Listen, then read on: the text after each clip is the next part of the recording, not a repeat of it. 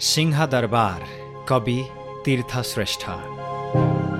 कुनै गाउँको गोरेटो भएर कुनै पहाडको खुड्किलो भएर अथवा कुनै नदीको बलौटे किनार भएर तिमी सिंहदरबार पुग्न सक्दैनौ त्यहाँसम्म पुग्न तिमीलाई चाक्ला फराकिला अलकत्रे सडक नै चाहिन्छ। अथवा दौरा सुरुवालमाथि ढाका टोपीको तडक भडक नै चाहिन्छ। सायद त्यसैले होला सिंहदरबार अचेल गोरेटा र पँधेराको कुरा गर्दैन। सिंहदरबार अचेल भन्ज्याङ र चौताराको कुरा गर्दैन।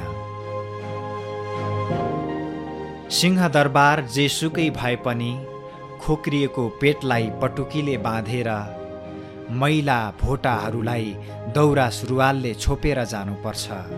त्यसैले त्यहाँ विकासको कुरा गर्दा भोको पेट र नाङ्गा आङ छोप्नुपर्छ। मेरा बाजे भन्ने गर्थे राणाले छोडेर गए पनि सिंहदरबारमा अझै राणाको भूत जिउँदैछ। त्यसैले होला अचेल त्यहाँ पनि जर्नेल साहेबहरूको ढोकामा जस्तै जिउ हजुर स्वस्ति चल्छ। छातीमा देश दुखाए पनि नदुखाए पनि के फरक पर्छ? गाउँ जाने गोरेटामा पहिरोले पुर्दैमा के हुन्छ र? सिंहदरबार जाने बाटोमा जहाँ जे सुकै भए पनि चिप्ला र चिल्ला विदेशी कार सलल बग्छन्।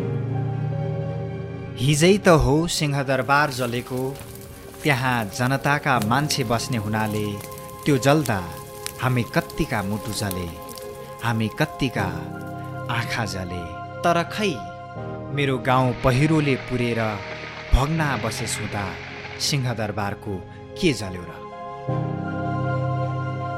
बिचरा सिंहदरबार सिङ्गै नेपाल हेर्नुपर्छ उसलाई। मेरो एउटा गाउँको कुराले नै पो के हुन्छ र? मेरो एउटा गाउँको क्रन्दनले नै पो कसको मुटु छुन्छ र सिंहदरबारको आखिरमा चार खुट्टा भए पनि चार हात छैन।